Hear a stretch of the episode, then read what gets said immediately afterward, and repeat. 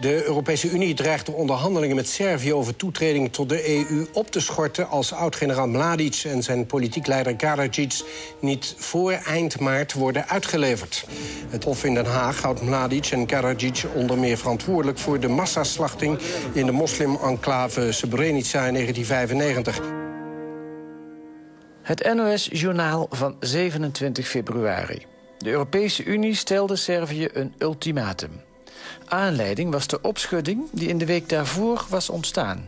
Op 21 februari meldden toen plotseling verschillende internationale media... dat Mladic zou zijn opgepakt. Sinds enkele uren circuleren berichten dat de Bosnisch-Servische generaal Mladic zou zijn gearresteerd. Verschillende Servische media, waaronder het vroegere staatspersbureau Tanjuk, melden dat.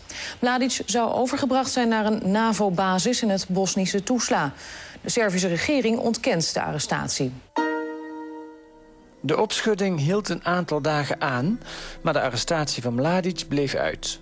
Eind februari volgde het ultimatum van de Europese Unie aan Servië. De commotie laaide weer op toen op 11 maart ex-president Milosevic van Servië plotseling overleed in zijn cel bij het Joegoslavië-tribunaal in Den Haag. Hoofdaanklager Carla Del Ponte van het tribunaal greep de gelegenheid aan om de druk verder op te voeren. Servië moest Radko Mladic en Radovan Karadzic nu zo snel mogelijk overleveren aan Den Haag, stelde zij op een persconferentie. Now, more than ever, I expect Serbia to finally arrest and transfer Ratko Mladic and Radovan Karadzic to The Hague as soon as possible. Maar uiteindelijk gebeurde er niets, zoals zo vaak de afgelopen tien jaar. Een week geleden liet de Europese Unie weten dat het ultimatum aan Servië... dat toen afliep, met een maand werd verlengd, tot eind april. Een breed gedeelde vooronderstelling bij dit alles is... dat vooral Servië verantwoordelijk is voor het feit dat Mladic en medeverdachte Karadzic nog steeds op vrije voeten zijn.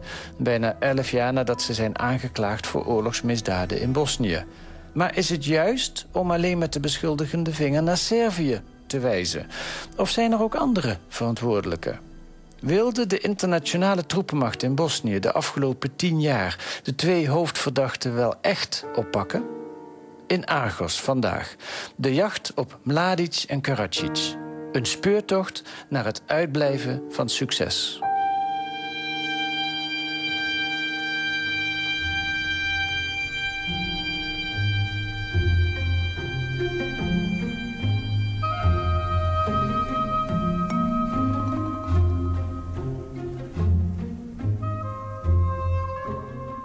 Waarom duurt het zo lang voordat de van oorlogsmisdaden verdachte Mladic en Karadzic worden opgepakt? We volgen in dit verhaal de naspeuringen van onze Duitse collega Frans Jozef Hutsch... die sinds een aantal jaren vaste medewerker is van Argos. Eerst deed hij zijn naspeuringen alleen, later samen met twee Argos-redacteuren. We maken een reis in tijd en plaats. Straks nemen we u bijvoorbeeld mee naar een bunker... diep weggestopt in een berg in centraal Bosnië ongeveer 200 meter berg boven ons. From technical point of view, I can tell you this hill can protect the tunnel to resist for nuclear bombs. Hij zegt uh, deze berg waar die tunnel in ligt, die zou uh, een atoombom hebben tegengehouden. Zelfs in het geval van een uh, atoomoorlog had hier een groep mensen maanden probleemloos kunnen overleven. Maar het verslag van deze zoektocht begint in Den Haag, bij het Joegoslavië-tribunaal. All right, meneer fait. The International Criminal Tribunal for the former Yugoslavia is now in session. Tribunal, Penal Internationaal pour l'ex-Yougoslavie. Het te ver. Please be seated. Op 12 oktober 2004 verschijnt Frans Jozef Hoets voor het tribunaal. Hij wordt als getuige gehoord in het proces tegen Milosevic. Mr. Hodge. Hodge. Hodge. I'll try my best with the pronunciation. no problem at all. Hodge vertelt het tribunaal hoe hij ten tijde van de burgeroorlog in Bosnië als journalist naar Sarajevo werd gestuurd en van mei 1995 tot en met maart 1996 permanent in Bosnië verbleef. U hoort Hutsch, simultaan vertaald door Engelstalige tolken van het tribunaal. Ich habe begonnen. I started in May 1995 working as a journalist. And I came into contact for the first time with the war in Bosnia, and I was sent to Sarajevo to work. You spent a period of time um, reporting on the war that was taking place in Bosnia. Is that right? Das richtig, ich bin. That's correct. From May 1995 to March 1996, I was in Bosnia permanently uninterrupted. De aanklager van het tribunaal ondervraagt Hutsch over hoe hij in maart 1996 in het geheim Mladic ontmoette in een van de voorsteden van de Bosnische hoofdstad Sarajevo. Daar interviewde hij de voormalige legerleider over Srebrenica. Uh, Mr. Hoosh, um, is it correct that you interviewed General Mladic concerning Srebrenica? Das ist richtig. That is correct. Can you give the court the date of that interview? That was in March 1996 in Sarajevo, where he is today. And uh, did you question him about what happened at Srebrenica? Ich habe ihm. I asked him what had happened in Srebrenica, and the way he answered the question to me was that the East Bosnian enclaves had to fall in order to uh, enable a peace plan for Bosnia. And did you publish that that interview? That, Auch dieses taken- Inter That interview was published indeed, yes. es ist auch im Internet. It's also available on the web. Hutsch vraagt Mladic naar de gebeurtenissen in Srebrenica en krijgt als antwoord dat Srebrenica en de andere moslim-enclaves in Oost-Bosnië wel moesten vallen om de vrede in Bosnië mogelijk te maken. Hutsch ontmoeting met Mladic en de publicatie van het interview vinden plaats in maart 1996. Dat is zo'n vier maanden na het einde van de burgeroorlog. Op dat moment is Mladic, samen met Karadzic, al aangeklaagd door het Joegoslavië-tribunaal. Want die aanklacht werd in juli 1995 uitgevaardigd. Mladic wordt in maart 1996 dus gezocht door de internationale vredesmacht... die in Bosnië is gestationeerd om de orde te handhaven. Terwijl die vredesmacht de gezochte oorlogsmisdadiger niet kan vinden... althans, dat is het formele verhaal... weet journalist Hutsch hem wel op te sporen en te interviewen. Gewoon in een van de voorsteden van Sarajevo.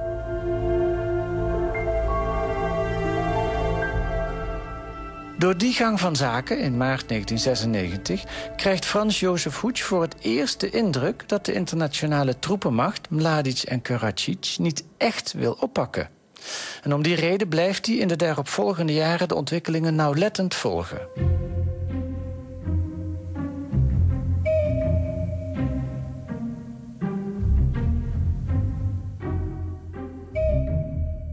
Is alles rustig bij u?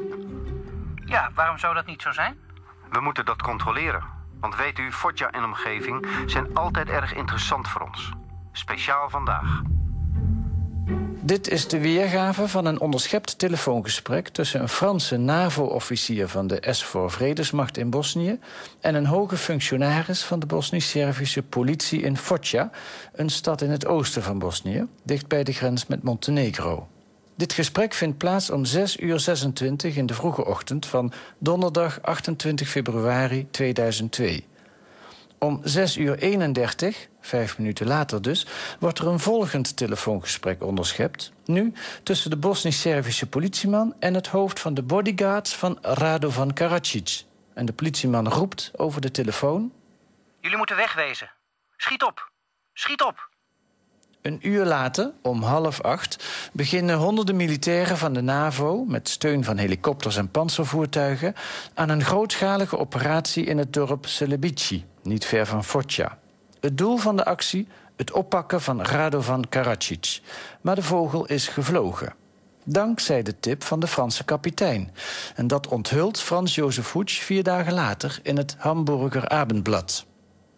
Hutsch heeft het transcript van de telefoongesprekken gekregen van een bron bij een inlichtingendienst van een van de West-Europese landen die op dat moment aan SVOR deelneemt.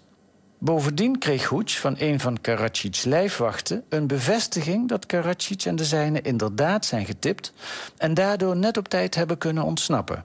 33 minuten voordat Esfor arriveerde, verlieten wij Celebici, vertelde de bodyguard aan Hoets over de ontsnapping op 28 februari 2002.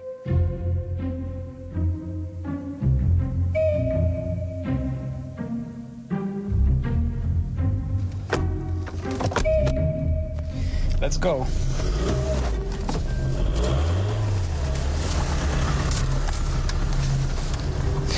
We gaan nou op weg naar de begraafplaats waar de moeder van uh, Radko Mladic begraven ligt. Uh, dat is in een dorpje hier vlak buiten Sarajevo. We hebben een verhaal te horen gekregen en dat uh, willen we op een aantal punten gaan checken. Voor in de auto zit mijn collega Frans. Naast onze chauffeur en naast mij achterin zit onze tolk. En beide heren die willen liever niet dat ze met naam genoemd worden.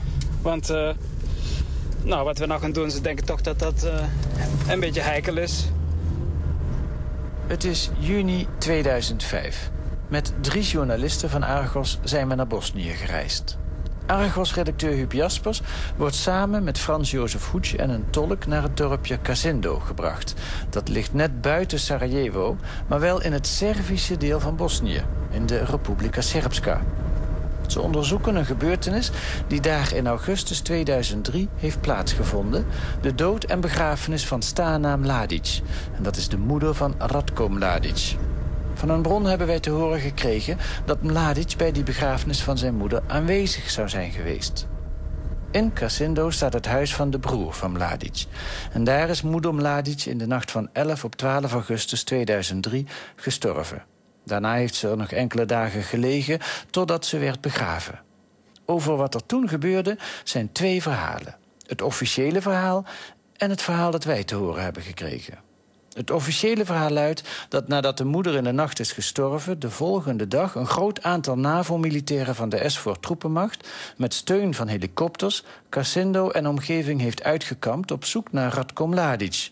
In de kranten en op de televisie werd uitgebreid verslag gedaan van die zoektocht. Mladic werd niet gevonden. Van een officier bij een West-Europese inlichtingendienst... hebben wij een heel andere versie te horen gekregen. Ondanks deze zoekactie heeft Radko Mladic wel degelijk deelgenomen aan die begrafenis. Dat heeft Esfor heel goed geweten. Dat is zelfs gearrangeerd. Men heeft dat bewust toegelaten en die hele NAVO-actie die er toen is geweest... heeft er al ten doel gehad om de indruk te wekken dat men hem wilde arresteren. Het was één grote showactie. Al dus deze bron bij een westerse inlichtingendienst. Op zoek naar bevestiging van dit verhaal hebben we in Bosnië inmiddels met meerdere mensen gesproken, die allemaal bij internationale organisaties werken. Een aantal van hen heeft ons bevestigd dat het zo is gegaan. Dat vertelden ze wel onder de nadrukkelijke voorwaarde dat ze anoniem zouden blijven. Huub Jaspers en Frans-Jozef Hoets zijn nu op weg naar Kasindo om zelf een kijkje te kunnen nemen bij het sterfhuis en het graf van de moeder van Mladic. Ik heb mijn uh, opnamerecorder verstopt hier onder de bank. En ik heb een heel klein uh, microfoontje in mijn hand. We hebben afgesproken dat straks uh, twee van ons, onze tolk en Frans, die gaan uh, naar buiten op de begraafplaats. En die gaan kijken of ze het graf vinden. En ik zal in de auto blijven met de chauffeur. Unsere Informanten äh, haben uns bestätigt, dass der Friedhof, wo Mladics begraben ist, äh, möglicherweise beobachtet wird.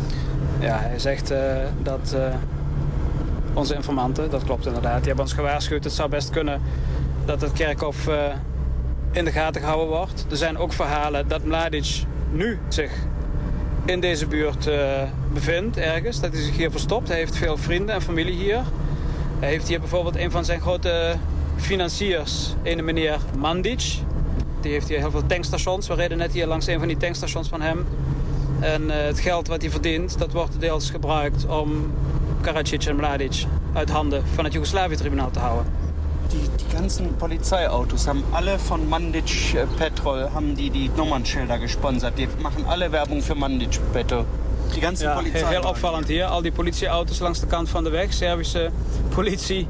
Dan zie je allemaal dat ze gesponsord zijn. Onder het nummerbord staat een soort reclame-tekst. Mandic Petrol. Bizar. We zijn nu eh, op zoek naar het huis van de broer van Mladic. Het huis waar zijn moeder gestorven is. Degene die ons eh, dit verteld hebben, die hebben ons precies beschreven waar het huis ligt en hoe het eruit ziet. Is das Haus Franz, ne? Da ist es, da ist es. Hier is het huis, inderdaad. Ja. Ja.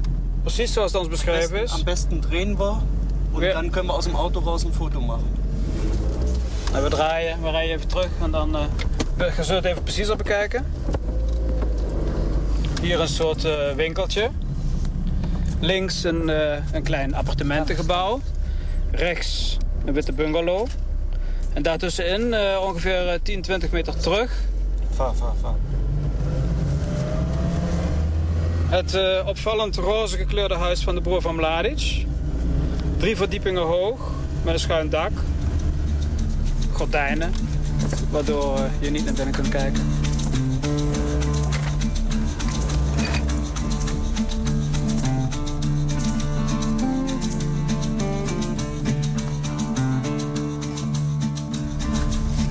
Wij naderen nu uh, het kerkhof. We zijn net van de grote weg afgebogen rechts een klein straatje in. Ik zie de begraafplaats nu liggen. Daar staan uh, een paar auto's.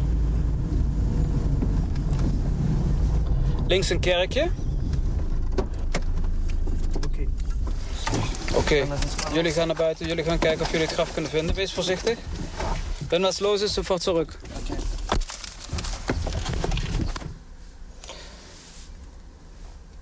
De begraafplaats ligt op een soort plateau, omgeven door uh, bergen. Ik zie nou uh, Frans en onze tolk zoeken naar het graf.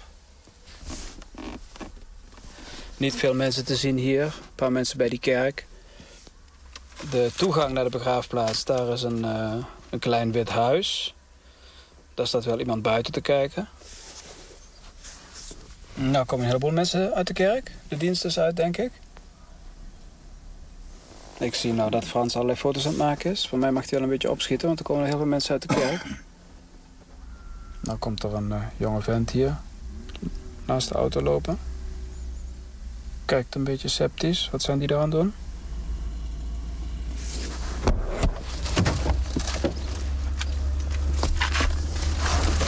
Hebben jullie het gevonden? Ja. Ist auch gleich das, das Grab von seiner Mutter, von seinem Vater. Dann kommt das, das Grab, äh, was offenbar für ihn freigehalten ist. Und dann kommt gleich das äh, Grab von seinem Bruder. Zijn moeder ligt daar begraven, ook zijn vader. Zijn broer ligt er ook begraven. En, en jij zegt het graf voor hemzelf is ook al klaar. Dat ja, ja, ist schon vorbereitet. Also, also genau der zwischen Vater und dem jüngeren Bruder ähm, ist das Grab für ihn schon vorbereitet. Het graf voor Radko Mladic uh, is al klaar. En uh, nou ja, dat betekent hoe het verder met hem zal gaan, hoe het zal aflopen met hem, dat weten we natuurlijk niet. Zal die ooit in Den Haag worden berecht? Nou, uh, komen we weer bij het uh, kamp van Eufor hier, Boetmier. Een paar minuten rijden eigenlijk van dat dorpje waar we net geweest zijn. Onvoorstelbaar dat Mladic hier op die begrafenis geweest is van zijn moeder enkele kilometers afstand van uh, de duizenden militairen die hier zitten... en die uh, als een van de taken hebben om uh, hem op te pakken. De bronnen van wie wij de informatie over de aanwezigheid van Mladic... bij de begrafenis van zijn moeder hebben gekregen, zijn zeer betrouwbaar. Daarom gaan we op bezoek in het militaire kamp Boetmir bij Sarajevo... waar Eufor is gelegerd. Eufor heeft SVOR opgevolgd als internationale vredesmacht in Bosnië. We willen een reactie op dit opmerkelijke verhaal van de commandant van EUFOR, de Britse generaal Leakey. My name is General Leakey. I consider it very much part of my mission to try and bring Mladic and Karadzic to justice in The Hague. Ik beschouw het als een belangrijk onderdeel van mijn taak om Mladic en Karadzic voor het Joegoslavië-tribunaal te brengen in Den Haag. Twee serieuze bronnen hebben ons verteld dat Mladic in augustus 2003 aanwezig was bij de begrafenis van zijn moeder. Hier, net buiten Sarajevo, in Casindo. In 2003, I can't remember where I was, but I wasn't here. I have absolutely no information on that incident at all. Ik kan me even niet herinneren waar ik in 2003 was. In elk geval niet hier in Sarajevo. Ik heb geen enkele informatie over dit incident. Acht u het denkbaar dat Mladic zo dicht in de buurt van Boetmir kon komen... het hoofdkwartier van de internationale troepenmacht... dat hij twee of drie kilometer hier vandaan aanwezig was... bij de begrafenis van zijn moeder... zonder dat die troepenmacht, toen nog ESFOR, dat in de gaten had? I don't know how many police forces in Europe were looking for uh, Carlos, the terrorist, you may remember. Very distinctive, many sightings. Uh, and even Osama bin Laden, the entire international community looking for him. And uh, so I wouldn't rule anything out. Ik weet niet of u het zich nog herinnert... hoeveel politiemensen in Europa in der tijd op zoek waren naar de terrorist Carlos. Hetzelfde geldt voor Osama bin Laden. De hele internationale gemeenschap is op zoek naar hem... en toch hebben we hem nog niet te pakken kunnen krijgen. Dit wetende zou ik niet willen uitsluiten. We gaan terug naar het Joegoslavië-tribunaal. Naar het verhoor van Frans Jozef Hoetsch als getuige in oktober 2004. Op de eerste dag van zijn verhoor heeft hij het tribunaal verteld... over zijn ontmoeting in maart 1996 met Mladic. Die vond toen plaats in Sarajevo, vertelde Hoetsch. Maar, zo voegde Hoetsch eraan toe... dat is ook de plaats waar Mladic nu, in oktober 2004, verblijft. Daar wil de aanklager van het tribunaal meer van weten. Hij komt er op de tweede dag van het getuigenverhoor van Hoetsch op terug. Suggereert Hoetsch hiermee dat hij weet waar Mladic nu is? You said yesterday that that's where Mladic still is. Uh, I, I don't imagine you're suggesting that you know where Mladic is now, aren't we? Uh, let's put it like this uh, there are more than rumors on where he is staying, and I think NATO and S4 has detailed information. Ich würde diese Frage dann. That is a question I would like to answer in a more intimate atmosphere. Frans Jozef Hoetsch kan er maar sumier op ingaan. Er zijn gegevens over de huidige verblijfplaats van Mladic... die meer zijn dan geruchten, antwoordt hij. En SFOR en NATO zijn daar gedetailleerd van op de hoogte. Hoetsch, die vaak teruggaat naar Bosnië... beschikt namelijk ook op dat moment, oktober 2004... over betrouwbare bronnen. In de openbaarheid, voor het tribunaal... kan hij daar niet verder op ingaan... omdat hij zijn bronnen moet beschermen.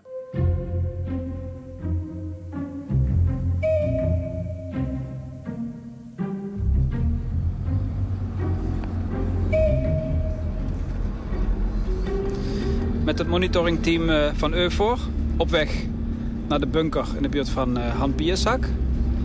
In de jeep samen met uh, Marian, major uit Roemenië.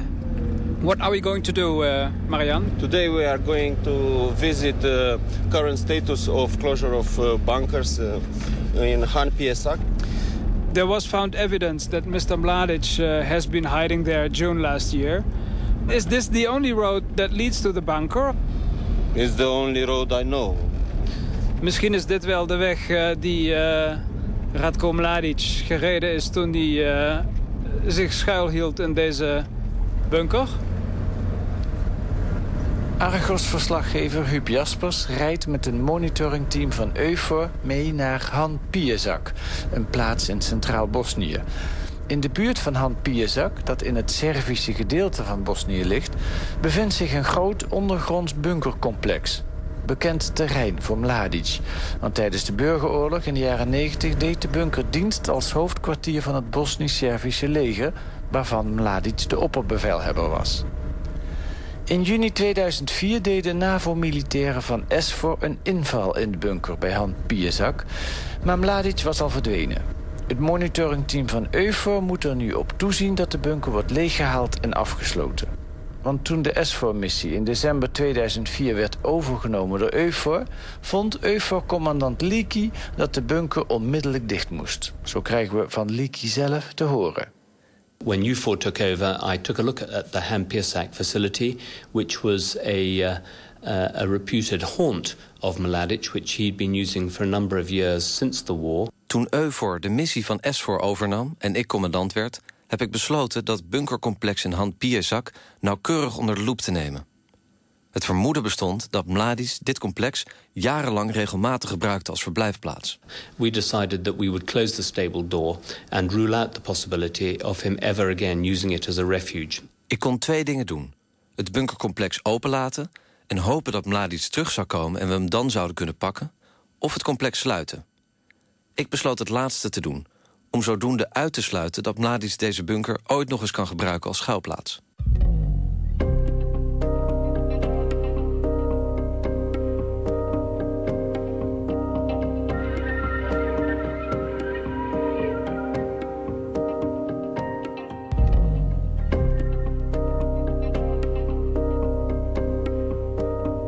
U luistert naar de ochtenden op Radio 1, de VPRO met het programma Argos.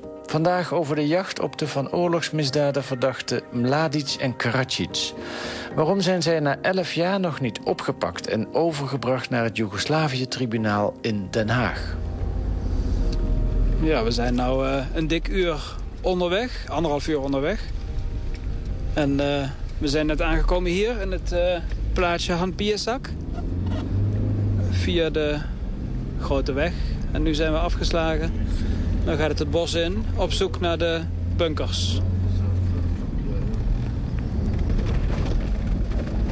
Nou, dit is inderdaad uh, een soort wandelpad. Onverharde weg. De bergen in. Niet bepaald comfortabel, zelfs in deze four-wheel drive. Niet makkelijk uh, om te rijden. En nou uh, hier een soort hek dat open staat en een uh, wachthuisje. Ik denk dat we langzaam in de buurt komen van het bunkercomplex. Een huis. Ziet eruit als een gewoon woonhuis. Een grote hond. Villa Javor staat boven de deur. Het Bosnisch-Servische deel van het leger van Bosnië controleert het complex. Servische militairen moeten het nu leeghalen en afsluiten. Dit is uh, het huis dat er inderdaad uitziet als een soort uh, vakantieverblijf. We gaan nu uh, de garage in.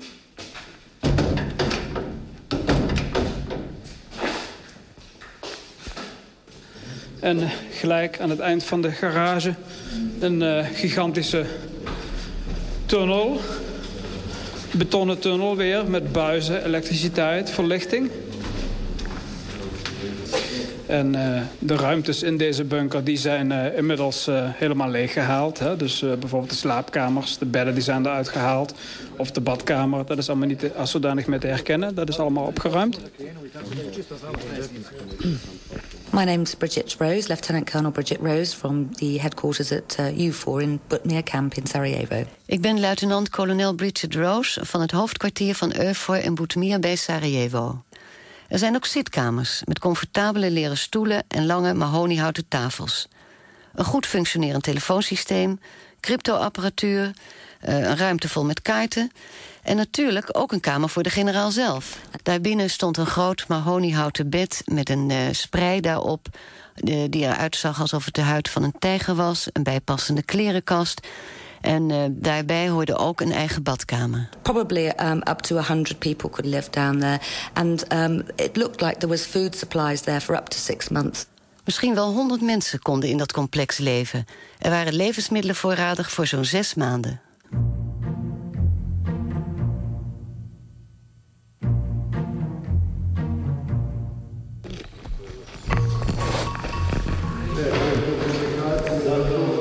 Aan het einde van uh, dit stuk tunnel opnieuw een deur. Een hele dikke deur nou, een halve meter dik. Nu gaan we ruimte binnen die uh, lekker verwarmd is.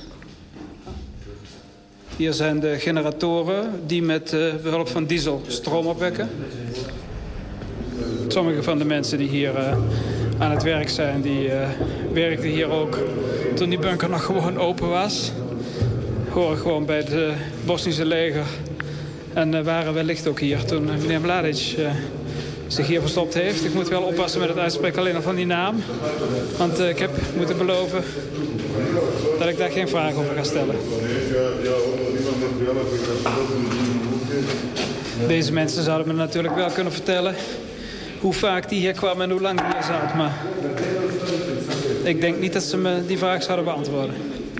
One of the workers that I spoke to um, had been there for 30 years maintaining that equipment. Een van de mensen waarmee ik sprak werkte al 30 jaar in die bunker. We did ask him whether he'd seen Mr. Mladic, but he uh, declined to answer that question. Wij vroegen hem of hij meneer Mladic had gezien, maar hij weigerde die vraag te beantwoorden. Is it correct that uh, NATO missed him only for 10 or 15 minutes? I understand that the information that they received um, did not enable them to get there in time, and I think it was a pretty close call. Bij de zoekactie in juni 2004 in deze bunker heeft de NAVO Mladic inderdaad maar net gemist.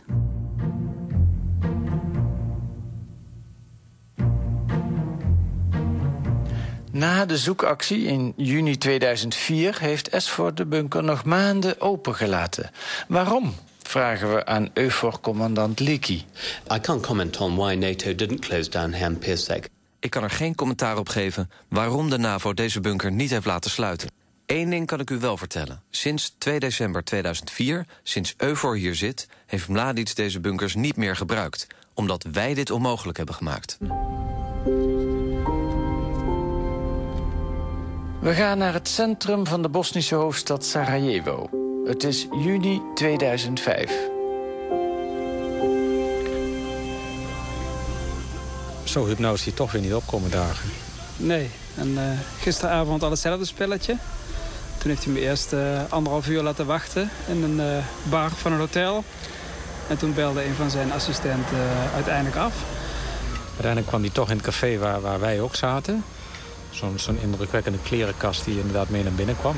Een uur lang uh, heeft hij allerlei uh, verhalen verteld. Hij is dus een premiejager die vooral eigenlijk op zoek is naar Karadzic. Die 5 miljoen dollar die de Amerikaanse regering op zijn hoofd uitgezet heeft. Hè. De, de, die wil hij graag binnenhalen. Die wilde graag binnenhalen. En hij vertelde dat hij tot twee keer toe de afgelopen jaren de internationale gemeenschap op de hoogte had gesteld over de verblijfsplaats van Karadzic op dat moment. Dat wist hij dan op dat moment. Daar dat... was hij ook dichtbij dan. Ja, dat, dat was zijn verhaal, hè? Dat was zijn verhaal, ja.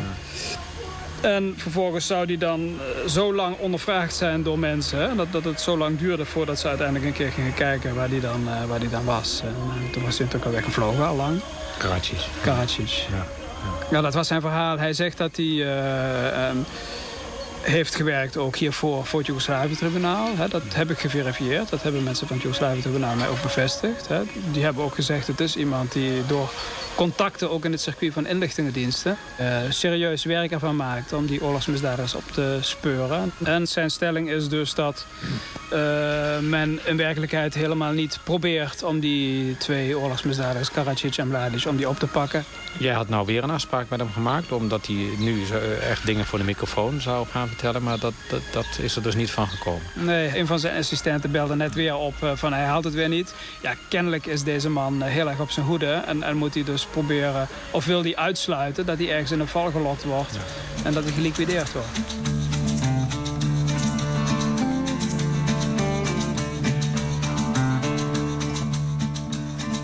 Waarom heeft de internationale troepenmacht in Bosnië Mladic en Karadzic nooit opgepakt, terwijl er toch mogelijkheden genoeg zijn geweest, zoals ook uit deze uitzending blijkt?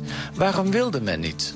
Natuurlijk speelde daarbij mee dat men soms bang was dat de arrestatie van deze mensen in Bosnië zoveel onrust zou veroorzaken dat het niet op alle momenten opportun was om zo'n actie uit te voeren. Maar dat is niet de enige reden. Een andere verklaring geeft voormalig minister van Defensie Joris Voorhoeven. Voorhoeven was minister in juli 1995 toen Srebrenica Mladic werd veroverd. Geïnterviewd door Paul Rozenmuller kwam Voorhoeven in juli vorig jaar... aan de vooravond van de tiende herdenking van de val en massamoord van Srebrenica... met een onthulling. Dat was in een uitzending van de Icon Televisie. In 1996 uh, zag ik een rapportage van de inlichtingendienst uh, op mijn vraag... Welke inlichtingendienst? Uh, de militaire inlichtingendienst. die, die onder mij als, mij als minister van Defensie viel. Ik had hen de vraag gesteld... Um, zoek nou eens precies uit welke landen wat wisten... voorafgaande aan de Servische verovering van de enclave. Hadden zij op een of andere manier voorinformatie? En uh, toen werd mij gerapporteerd... Ik kan geen details geven, want dan uh, overtreed ik uh, de wet. Toen werd mij gerapporteerd dat in ieder geval twee grote leden van de Veiligheidsraad... wisten dat de Serviërs van plan waren... en dat wisten ze al rondom begin juni 1995... dat de Serviërs van plan waren de komende weken... de drie oostelijke enclaves onder de voeten lopen. Waaronder Srebrenica? Srebrenica, Jepa en Gorazde. En die twee grote leden hebben dat u nooit verteld? En die informatie werd pas aan Nederland uh, uh, verstrekt na de val van Srebrenica. Heeft Nederland zich laten gebruiken? Ja, Nederland heeft zich daarvoor laten gebruiken. Heeft Nederland zich laten misbruiken? Klopt Ik dat? vind dat uh, deze permanente leden uh, tijdig hun informatie met Nederland hadden moeten delen. Um, en mij is uh, inmiddels gebleken dat het er minstens twee waren. Uh, twee van de vijf permanente leden van de Veiligheidsraad. En wellicht meer. Volgens de ICON doelt Voorhoeven met die permanente leden van de Veiligheidsraad op de Verenigde Staten en op Groot-Brittannië. Volgens anderen gaat het om die twee landen en om Frankrijk. In het licht van deze onthullende informatie van Voorhoeven stelt interviewer Roze tijdens de Icon-uitzending ook de vraag aan de orde waarom Mladic en Karadzic nog steeds vrij rondlopen.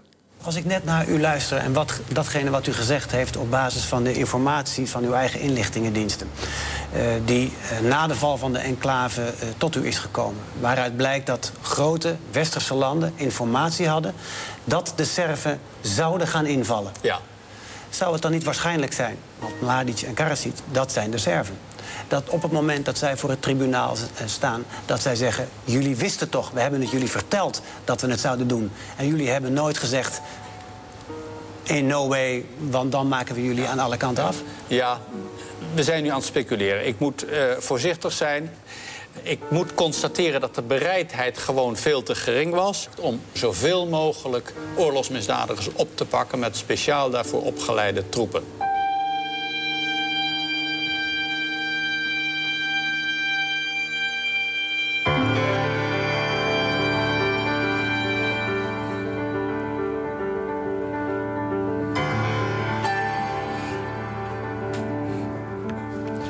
U luisterde naar Argos, dat deze week werd gemaakt door Huub Jaspers, Frans Jozef Hoetsch en Gerard Legebeke. De techniek was van Bert Vervoorn.